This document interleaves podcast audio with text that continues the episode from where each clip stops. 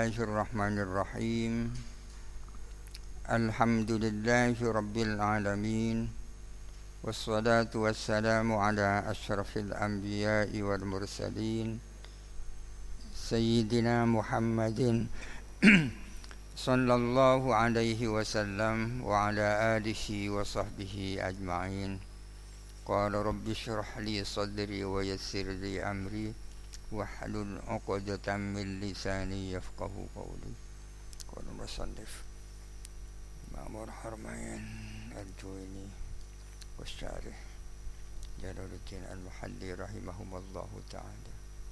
ونفعنا بهما وفاض علينا من بركاته. وأنواره وأسره وبكم آمين. Bismillahirrahmanirrahim. An-nashu ini adalah bab nasah. Wa amman nashu adapun nasah. Famaknahu maka adapun maknanya nasah. Duwatan secara bahasa Al-izalah itu adalah izalah Menghilangkan. Menghilangkan atau menghapus Yuqaluh dikatakan nasakhat asyamsu az-zillah menghilangkan asyamsu apa matahari az-zillah akan bayangan. Maknanya iza azalathu manakala menghilangkan apa matahari hu kepada bayangan warafa'athu dan menghilangkan apa matahari hu kepada bayangan bin bisatiha dengan menyebarnya dengan menyebarnya sinarnya matahari. Secara bahasa nasah itu izalah menghilangkan atau menghapus. Wakilah dan dikatakan maknahu adapun maknanya nasah secara bahasa an-naklu adalah memindah min diambil dari perkataan mereka nasaktu ma fil kitabih saya memindah atau menyalin akan sesuatu yang ada di dalam kitab. Maknanya idza naqultahu bi askali kitabatihi. Manakala anda menyalin ma dengan bentuk-bentuk tulisannya ma menyadin kalau sekarang menasah itu mengopi itu makna nasah secara bahasa al-izalah atau an-naqlu wahadduhu adapun definisinya definisinya nasah syar'an secara syara al-khitabu ad-dallu ala raf'il hukmi. Adalah khitab khitab itu firman Allah baik Al-Quran maupun As-Sunnah. Adalah kitab yang menunjukkan ala raf'il hukmi atas penghapusan hukum. As-sabiti yang tetap apa hukum? Tetap bil khitabi al-mutaqaddimi dengan khitab yang terdahulu. Ala wajhin atas jalan ala wajhin ini jar majrurnya menjadi hal dari domirnya adal khitab adal yang menunjukkan menunjukkan ala wajhin dengan cara laulahu yang seandainya tidak ada khitab lakana niscaya ada apa hukum sabitan adalah tetap ma'atarohihi bersama bertarohinya khitab khitab adad ya. Tarohi itu datang kemudian datang lambat datang kemudian. Zaid datang tadi kemudian Amr datang sekarang. Itu tarohi. Ma'atarohi beserta tarohinya al-khitab adal datang kemudian terlambat anhu daripada hukum. Hadza haddun nasihi ini adalah definisinya nasih. Definisinya ini sangat ruwet ya. Di dalam bab nasah ada nasih, ada mansuh. nasih itu artinya yang menghapus mansuh artinya yang dihapus nasih artinya yang membatalkan mansuh artinya yang dibatalkan nasih artinya yang menganulir mansuh artinya yang dianulir ada nasih mansuh Kedua-duanya nasih dan yang mansuh sama-sama berupa hukum. Artinya hukum dimansuh dengan hukum. Hukum dianulir dibatalkan dengan hukum. Hukum yang membatalkan dan hukum yang dibatalkan sama-sama berdasarkan khitab. Sama-sama berdasarkan khitab Allah dan khitab yang menasa yang membatalkan datang lebih kemudian ya kan? datang kemudian daripada khitab yang dimansuh definisinya tadi itu hada haddun nasihi. Sesungguhnya definisi itu definisinya nasih bukan definisinya nasah ya. Wa yu'khadhu dan diambil minhu dari haddun nasi dari definisinya nasi diambil haddun nasi apa definisinya nasa namun definisinya nasa bisa diambil dari definisinya nasih tadi bi'annahu dengan sesungguhnya nasah. Kalau nasah sendiri apa definisinya? Raf'ul hukmil malkuri ialah menghapus, menghapus hukum tersebut. Menghapus hukum tersebut hukum tersebut yakni yang ditetapkan berdasarkan kitab dihapus bikhitabin dengan kitab ila akhirhi dan seterusnya jadi nasah itu adalah menghapus hukum menghapus hukum yang berdasarkan kitab dihapus dengan hukum lain yang berdasarkan kitab yang mana yang menghapus itu datang kemudian Ayraf'u ta'alluqihi bil fi'li artinya menghapus tak berta'alluqnya hukum dengan perbuatan.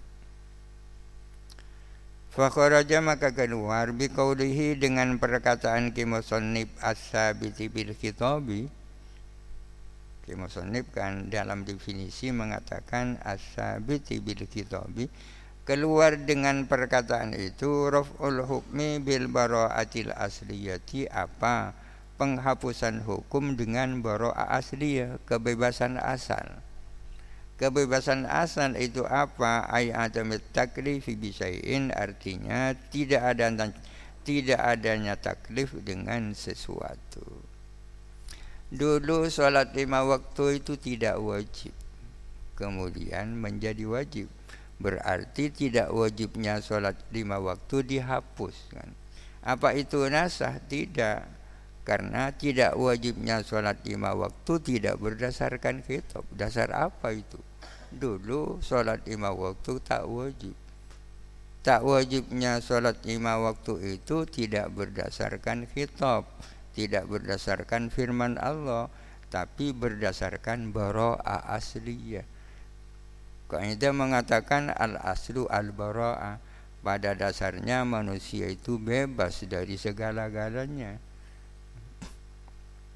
Yang dimaksud baro'a asliyah di sini adalah adamit taklifi syai'in, tidak adanya beban untuk melakukan sesuatu.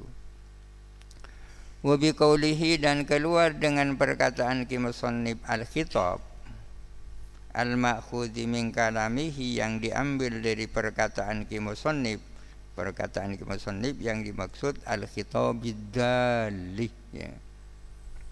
keluar dengan kata-kata khitab yakni perkataan kimusannib al-khitab adal Ar-raf'u bil mauti wal jununi apa penghapusan hukum dengan sebab kematian dan gila? Orang asalnya wajib melaksanakan sholat lima waktu. Kemudian kewajiban itu menjadi hilang. Kenapa hilang? Karena dia mati atau dia gila? Hilangnya kewajiban itu bukan nasah namanya karena hilangnya itu bukan berdasarkan kitab tapi karena mati. Ya. Wabi kaulihi dan keluar dengan perkataan kimusannif ala wajhin ila akhirih ala wajhin laulahu lakana sabitan itu keluar malau kana al-khitabu al-awwalu mughayyan bi apa adanya khitab yang pertama itu dibatasi akhirnya dengan suatu batas. Kalau khitab yang pertama itu memang dibatasi dengan suatu batas, au mu'allalan bimaknan atau diillati dengan suatu illat, dikaitkan dengan suatu illat. Mu'allalan bimaknan artinya dikaitkan dengan suatu illat wasurriha wasurriha al-khitabu asani dan ditegaskan apa kitab yang kedua bimuqtada dalika sesuai dengan hal itu.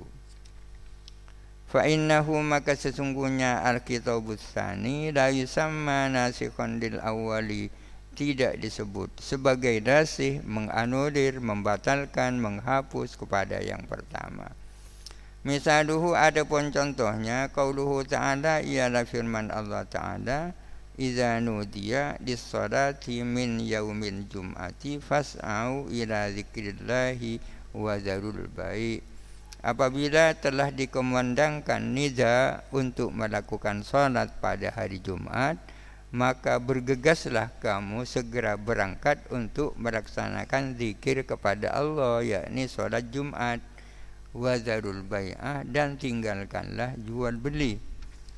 Haram melaksanakan jual beli ketika kumandang azan Jumat sudah di sudah dikumandangkan.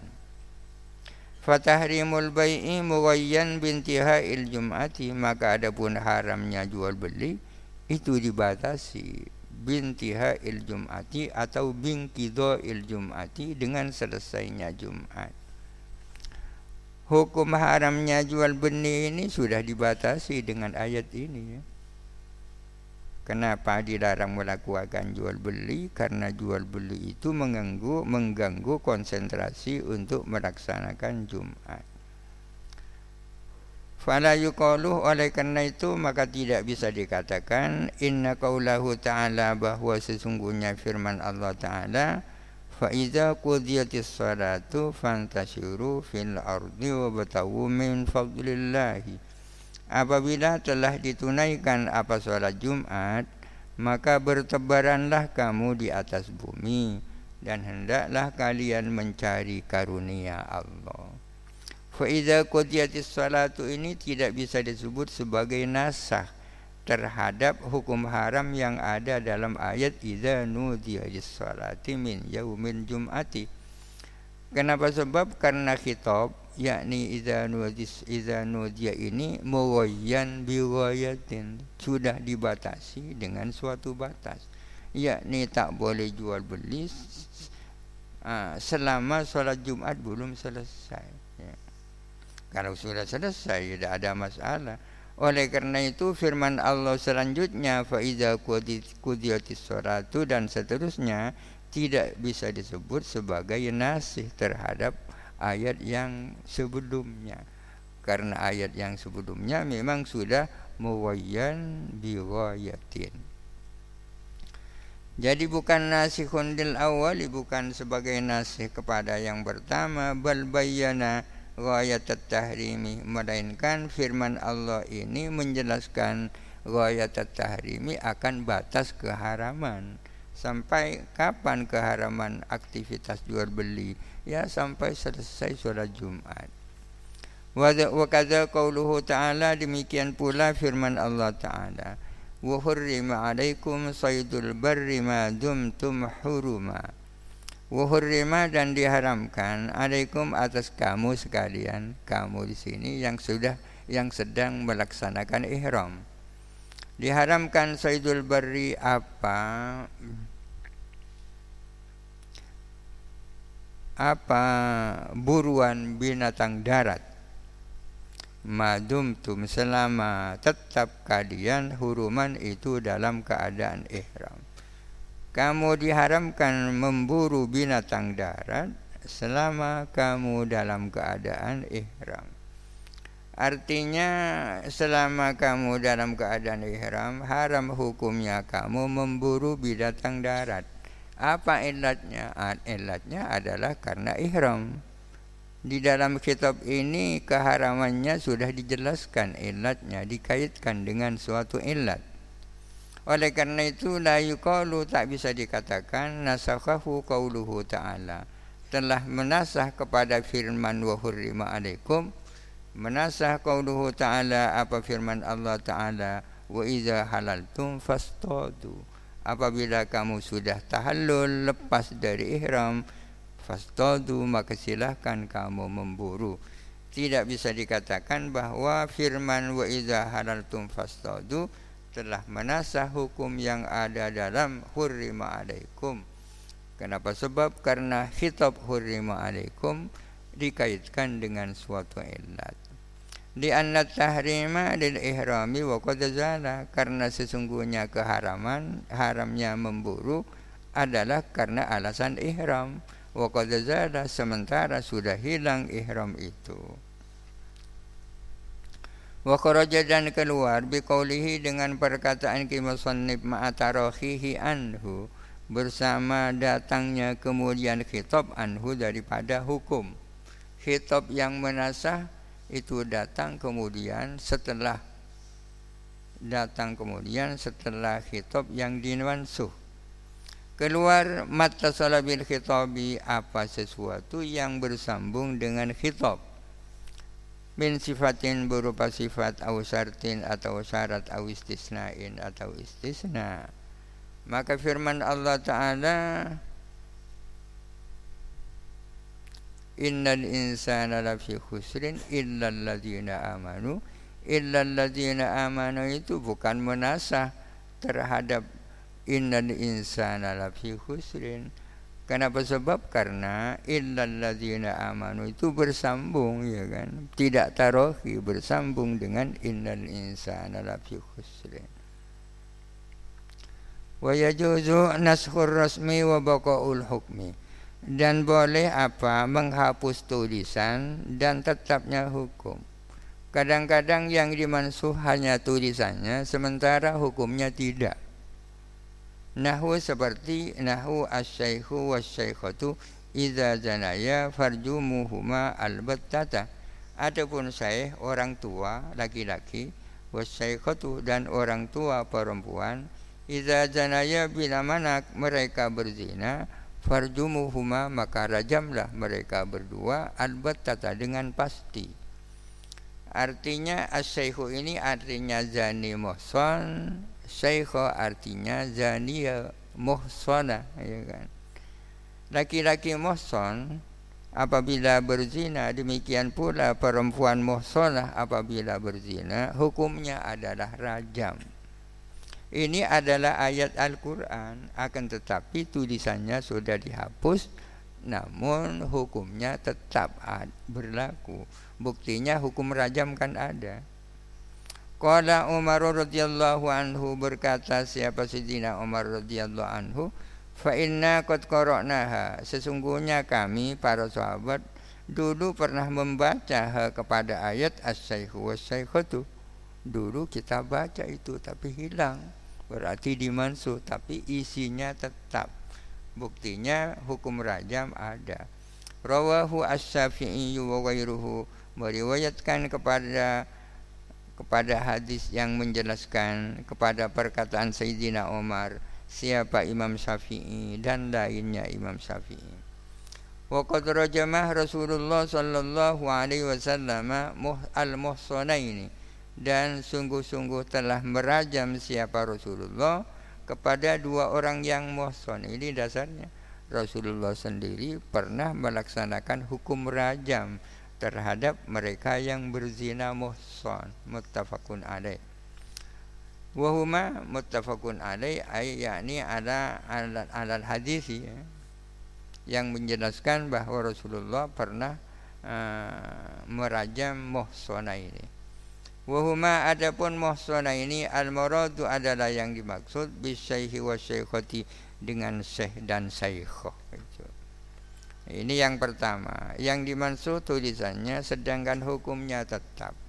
Wa yajuzu hukmi wa baqa'ur rusmi. Dan boleh juga menasah hukumnya sementara tulisannya tetap. Menasah hukum dan tetapnya tulisan.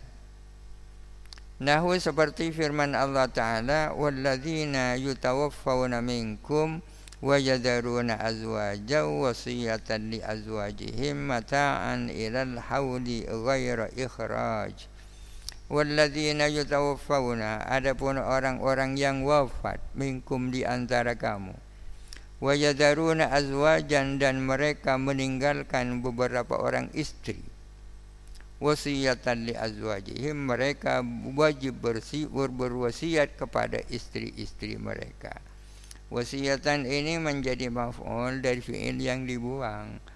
Asalnya asalnya walladzina yutawaffawna minkum wa yaduruna azwajan yusuna wasiyatan li azwajihim.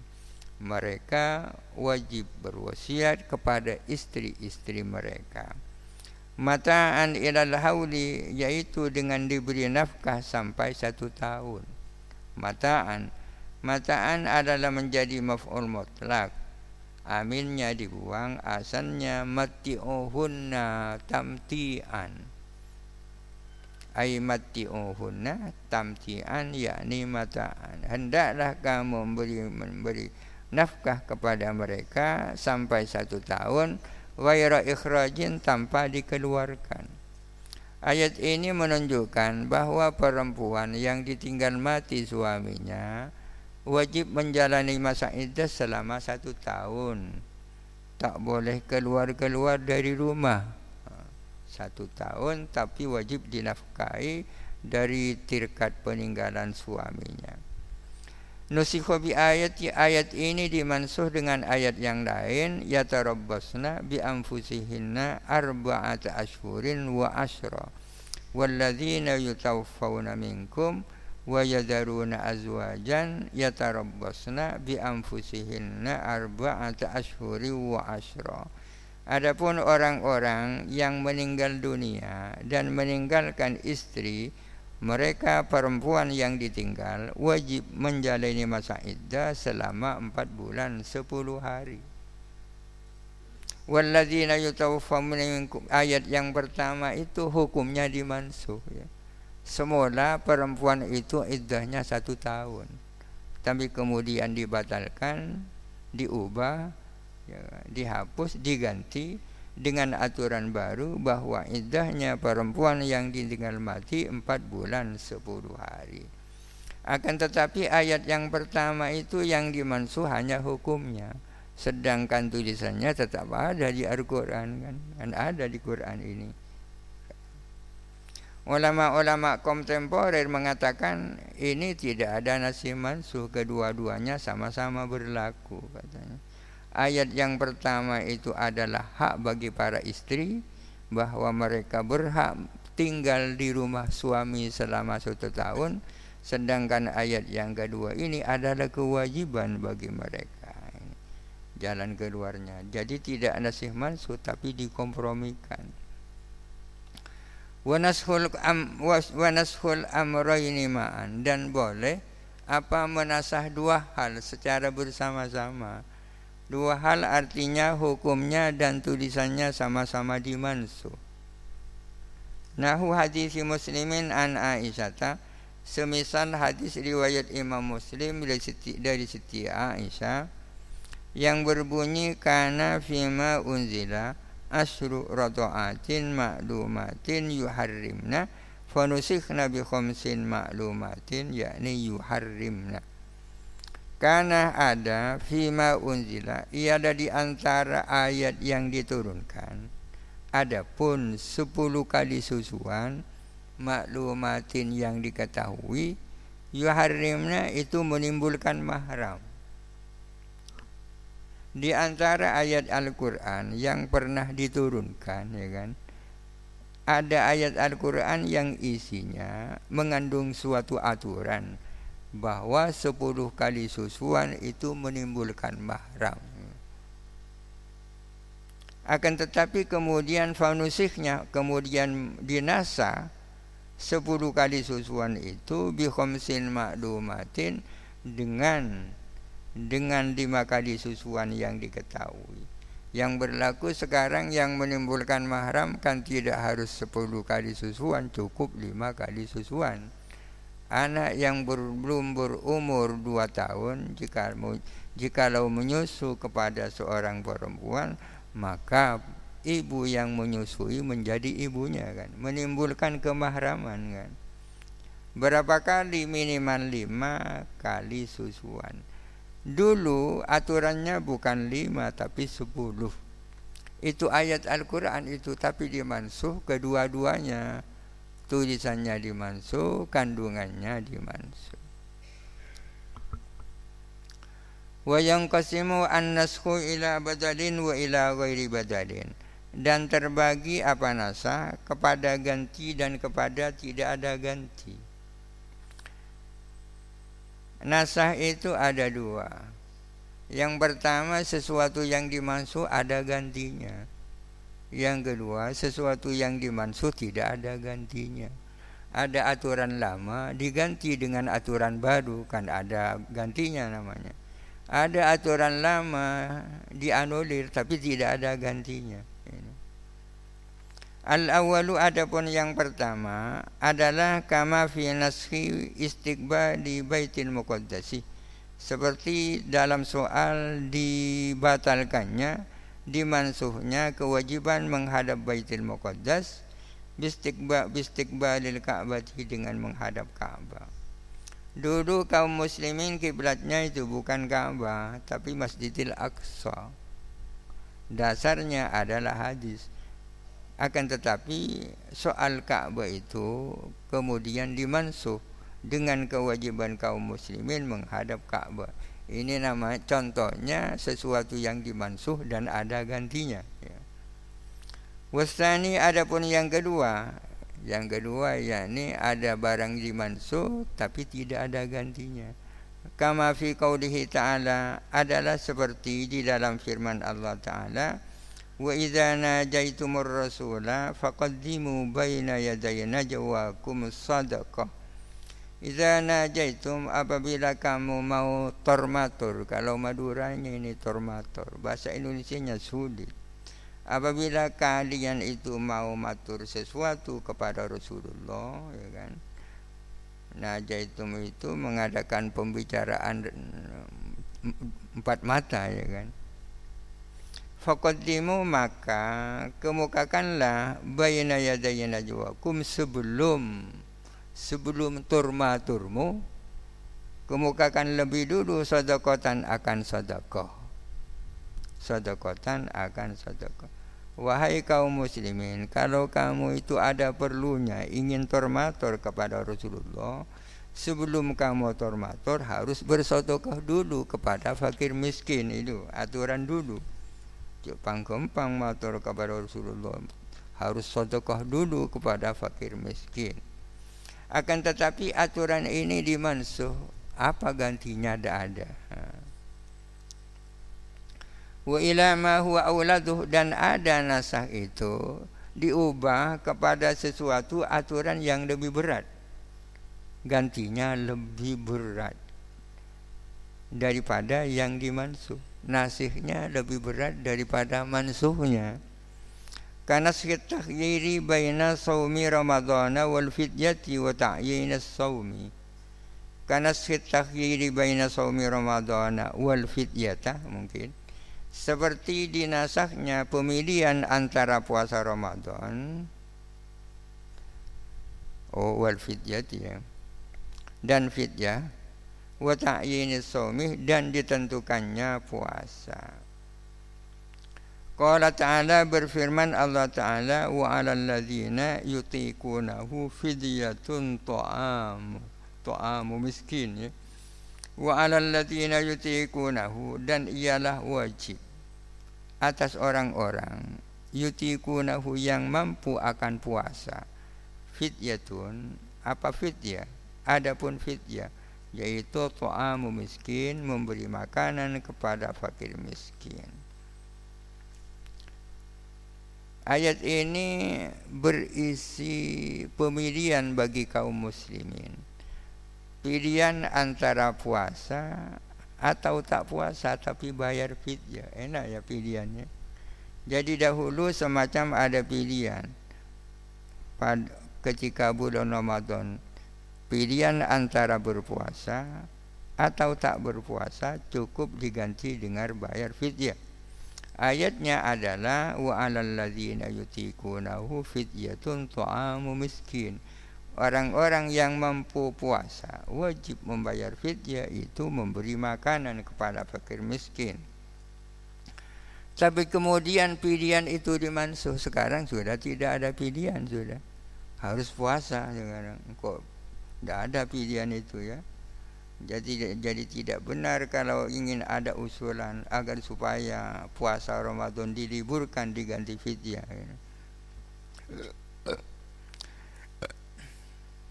Yang mana sah ini wa 'alal ladzina yutiqunahu faman syahida minkum asy-syahra falyasumhu. Maka barang siapa yang hadir di antara kalian pada bulan Ramadan, maka hendaklah dia memuasai bulan Ramadan itu. Barang siapa syahid asyahro yang menyaksikan bulan Maksudnya hadir kajapuk ke bulan Ramadan Tidak mau, tidak bisa Tidak dia harus puasa Ramadan itu Kalau menurut tafsir Jalalain di sini adalah yang dibuang wa alal ladzina yutikunahu asalnya wa alal ladzina la yutikunahu wajib kepada orang yang tak mampu puasa membayar fidyah memberi makanan sebagai gantinya puasa. Ini namanya nasah ila aulado kan? Gantinya lebih berat daripada yang diganti. Asalnya boleh milih kemudian tidak bisa tidak ada pilihan lagi wa ila ma huwa akhaffu dan ganti kepada sesuatu huwa yang ada pun emma akhaffu adalah lebih ringan. Dan ada nasah itu gantinya lebih ringan daripada yang diganti ya kan? Contohnya karena si qaulihi ta'ala seperti dimansuhnya firman Allah ta'ala iyyakum minkum isruna sabiruna yughlibu mi'atain in yan in yakun jikalau ada. Minkum ialah di antara kalian isruna sabiruna 20 orang yang sabar-sabar yang di bumi atas ini mereka bisa mengalahkan 200 orang. Ayat ini menunjukkan bahwa kaum muslimin itu harus berani menghadapi musuh yang tak lebih dari 20 kali lipatnya. Kalau ada 20 orang muslim yang sabar-sabar seharusnya bisa mengalahkan 200 musuh. Berat sekali ya. Jadi 20 lawan 200 200 akan tetapi yang berayat yang berat ini dimansuh biqaulihi ta'ala dengan firman Allah ta'ala fa iyyakum minkum mi'atun sabiratun yaghlibu mi'atain. Jikalau ada di antara di antara kalian 10 orang yang sabar-sabar mereka bisa mengalahkan 200 orang. Ini artinya kaum muslimin harus bisa menghadapi musuh yang dua kali lipatnya 100 melawan 200 kalau sebelumnya 20 melawan 200 kedua-duanya ini disebut dengan ayat musabarah namanya ayat musabarah karena ada sabiruna ini contohnya badal di mana gantinya itu lebih ringan daripada yang diganti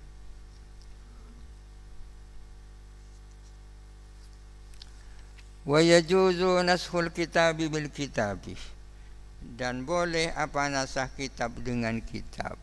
Boleh Al-Quran dimansuh dengan Al-Quran. Suatu ayat dimansuh dengan ayat yang lain. Kama taqaddama fi ayatayil iddati wal musabarati.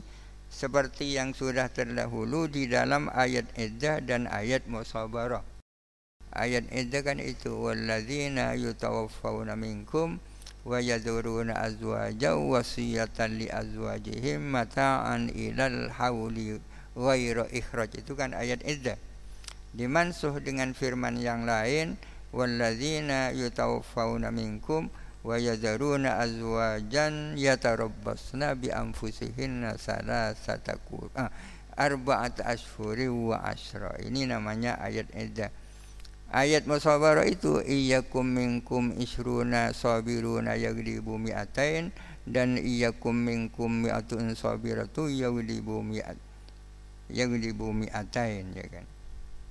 Itu contohnya Al-Qur'an dimansuh dengan Al-Qur'an.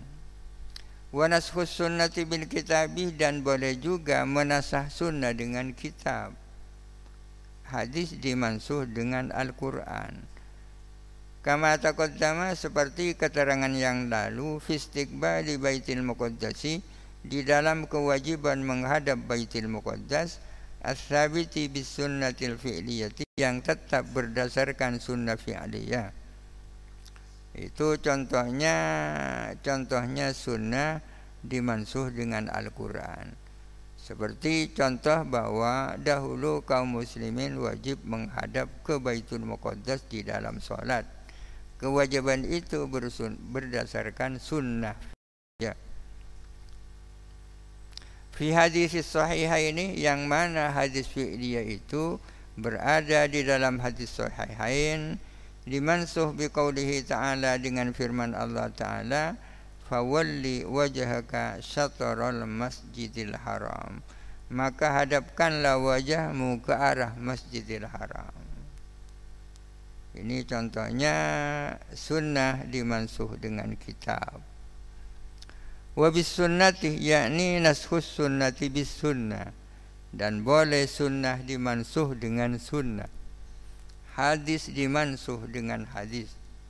Ini mirip-mirip dengan taksis ya kan.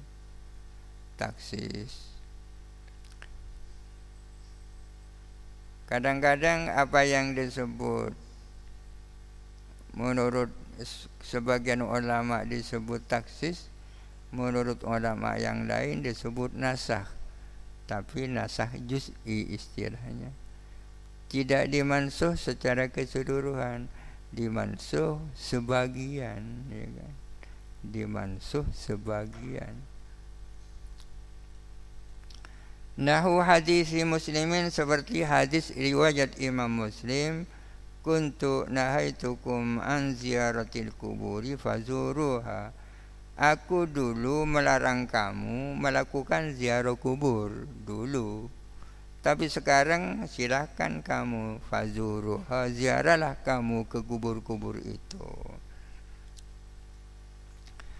Wasakata an nasil kita bibis sunnati dan sukut. Sukut ini tak berkomentar, no comment siapa kemusonib dari kitab dimansuh dengan sunnah.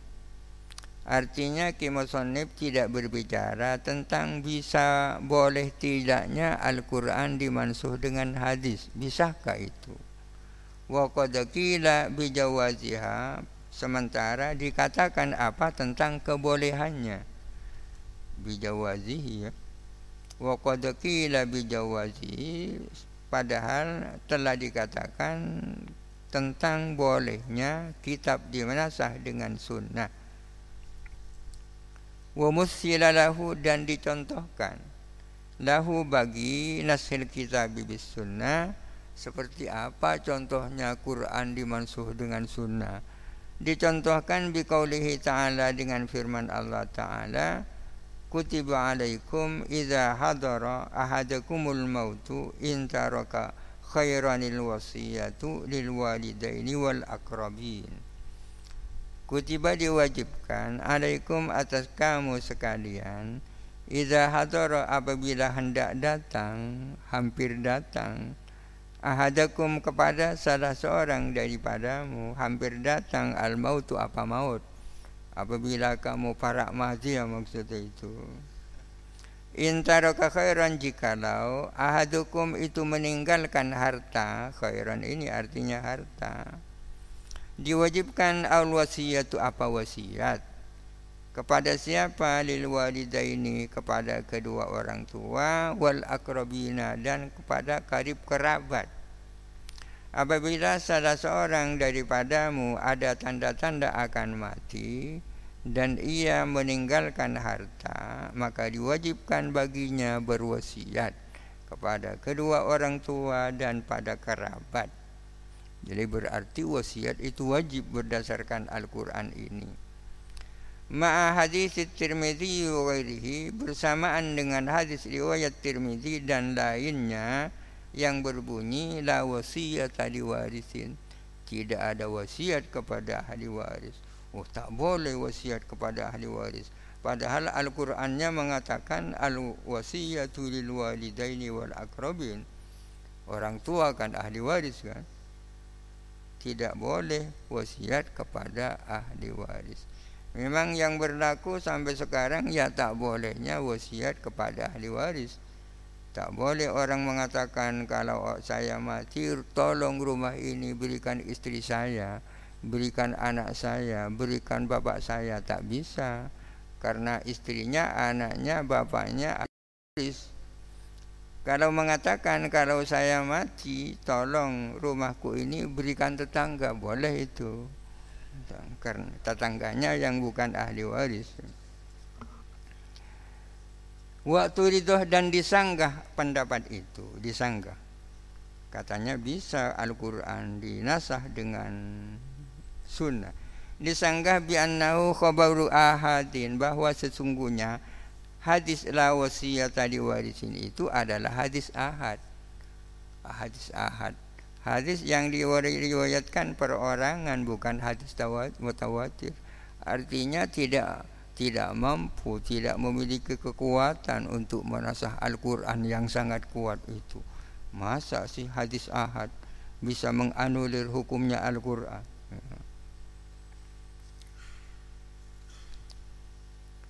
wasayati dan akan datang.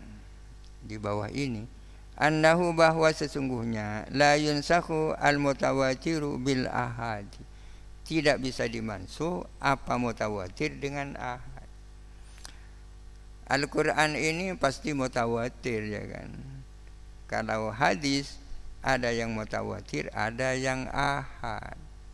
Bahkan yang mutawatir bisa dihitung tak banyak hadis mutawatir hadis yang periwayatan perawinya banyak dalam tiap-tiap generasi dalam tiap-tiap tabaqat rawihnya banyak. Ini mutawatir. Kalau Al-Quran pasti mutawatir. Di bawah nanti akan dijelaskan bahwa yang mutawatir termasuk Al-Quran tidak bisa dimansuh dengan ahad. Wafi dan di dalam sebuah sadinan berbunyi wala yajuzu nasul kitab bis sunnati. Dan tidak boleh apa manasah kitab dengan sunnah. Ai bi khilafi taksisihi biha. Berbeda dengan mentaksis kitab dengan sunnah. Kalau kitab ditaksis dengan sunnah kan bisa ya. Kama taqaddama seperti yang sudah lalu kama taqaddama seperti sudah lalu. Kenapa kalau taksis boleh, kalau nasah tak boleh? Di anna taksisa ahwanu minan nasi. Karena sesungguhnya taksis itu lebih enteng, lebih ringan daripada daripada nas. Wa yajuzu naskhul mutawatiri bil mutawatiri dan boleh apa menasah mutawatir dengan mutawatir. Al-Quran dengan Al-Quran, Al-Quran dengan hadis mutawatir, hadis mutawatir dengan Al-Quran. Boleh karena memiliki kekuatan yang sama. Wanashul ahadi bil ahadi dan boleh juga menasah yang ahad dengan ahad. Hadis ahad artinya hadis yang perawinya perorangan diriwayatkan oleh perawi yang perorangan satu orang, dua orang, tiga orang, empat orang. Hadis ahad bisa dinasah dengan hadis ahad. Wabil mutawatir dan hadis ahad bisa dimansuh juga dengan mutawatir. wala yajuzu naskhul mutawatiri kal qur'ani bil ahadi dan tidak boleh menasah yang mutawatir seperti Al-Quran tak boleh dimansuh dengan yang ahad. Di annahu dunahu karena sesungguhnya ahad dunahu adalah di bawahnya yang mutawatir fil kuwati dalam kekuatannya. Tapi wal arjahu jawazu dzalika adapun pendapat yang lebih unggul adalah bolehnya hal itu. Bolehnya naskhun mutawatir bil ahad menurut pendapat yang unggul mutawatir termasuk Quran bisa dimansuh dengan hadis ahad.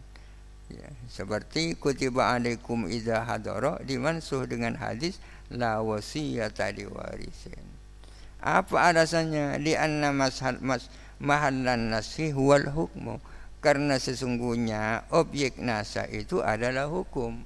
Sesungguhnya yang dimansuh, yang menjadi objek nasa itu kan hukum isinya kan bukan bungkusnya. Isinya. Wadalalatu alaihi bil mutawatiri dhanniyatun. Sementara adapun penunjukan penunjukan dalil alaihi atas hukum bil mutawatiri dengan yang mutawatir dhanniyatun adalah bersifat dhanni juga kal ahadis sama dengan hadis ahad bagus ini dasarnya karena yang dimaksud itu kan hukumnya. Untuk sampai kepada hukum melalui likaliku yang cukup zonni juga sama dengan hadis mutawatir.